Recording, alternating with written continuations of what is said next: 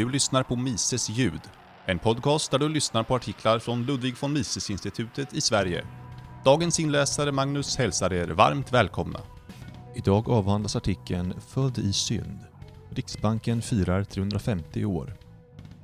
Författare Joakim Bok, Klaus Bernpeitner och Per Bylund publicerades på mises.se 25 maj 2018. Världens äldsta ännu existerande centralbank, Sveriges riksbank, firar i år sitt 350-årsjubileum genom att organisera en konferens på temat Centralbankens roll i dåtid, nutid och framtiden.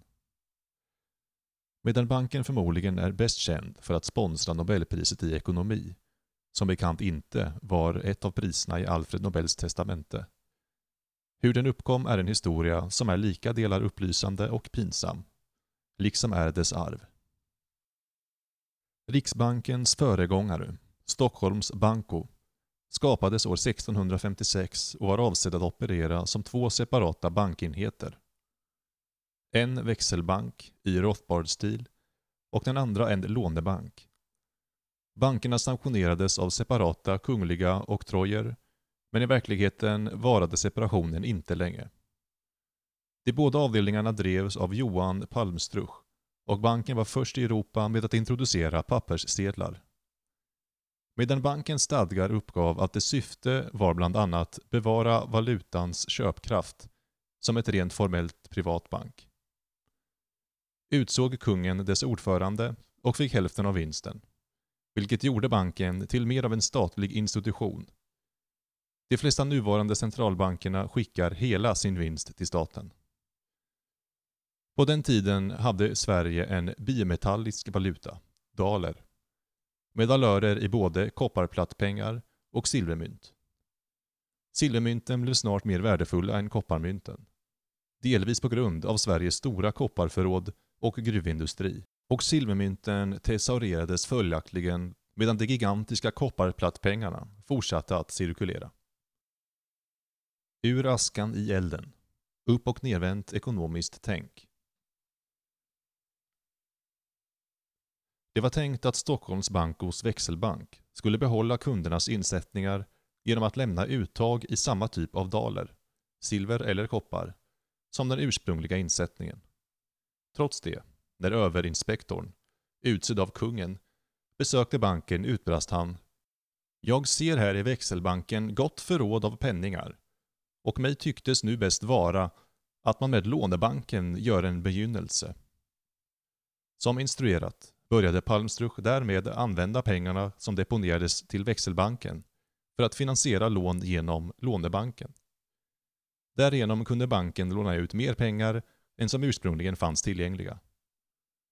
Eftersom banken tjänade ränteintäkter från utlåning övergav den snart alla avgifter för inlåning till växelbanken och istället, för att få in mer insättningar, erbjöds räntebetalningar på medel deponerade i lånebanken.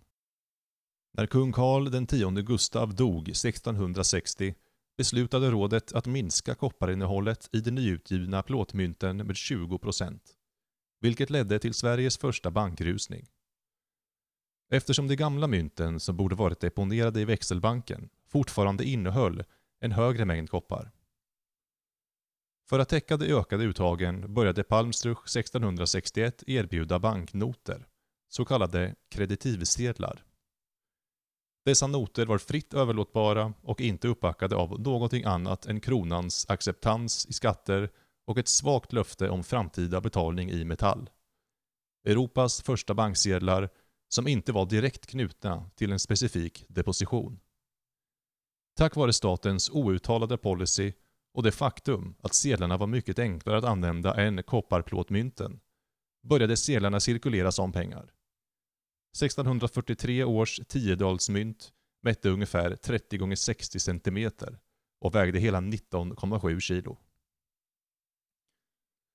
Med Stockholms Bankos innovativa kreditexpansion upplevde Sverige, som österrikiska ekonomer förväntar sig, en kraftig boom som varade i ungefär två år innan bankens reserver var fullständigt dränerade och utbetalningar ställdes in.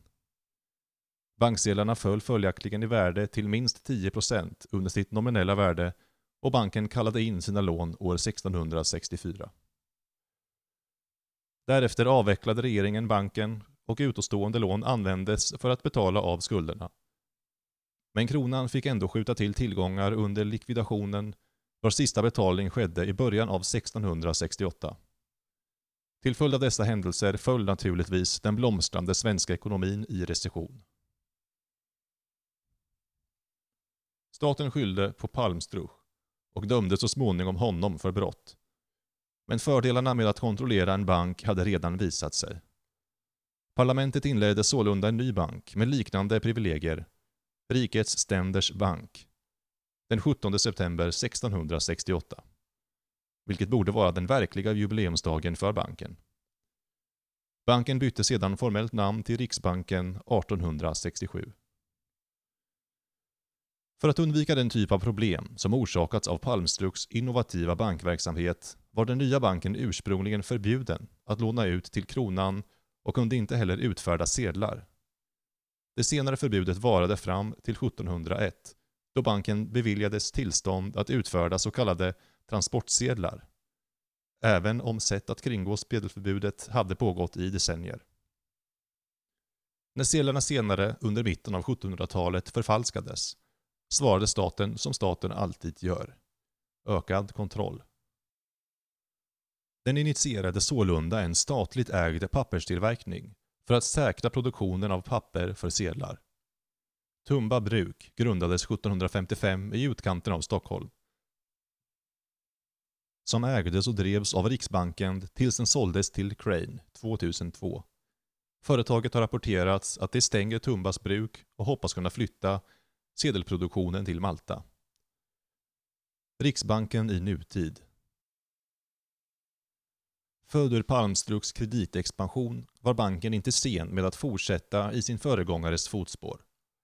Riksbanken har en förvånansvärt lång historia av aktiv intervention i den svenska ekonomin. Medan formellt politiskt inflytande har skiftat över århundradena förblir banken Sveriges centralbank trots formellt så kallat oberoende från staten sedan 1999. Banken har under de senaste årtionden blivit känd för att vara inblandad i världens mest extraordinära penningpolitiska experiment. På 1970-talet och 1980-talet spelade Riksbanken en central roll för att devalvera den svenska valutan. Allt för att öka exporten och ta Sverige ur ekonomisk kris.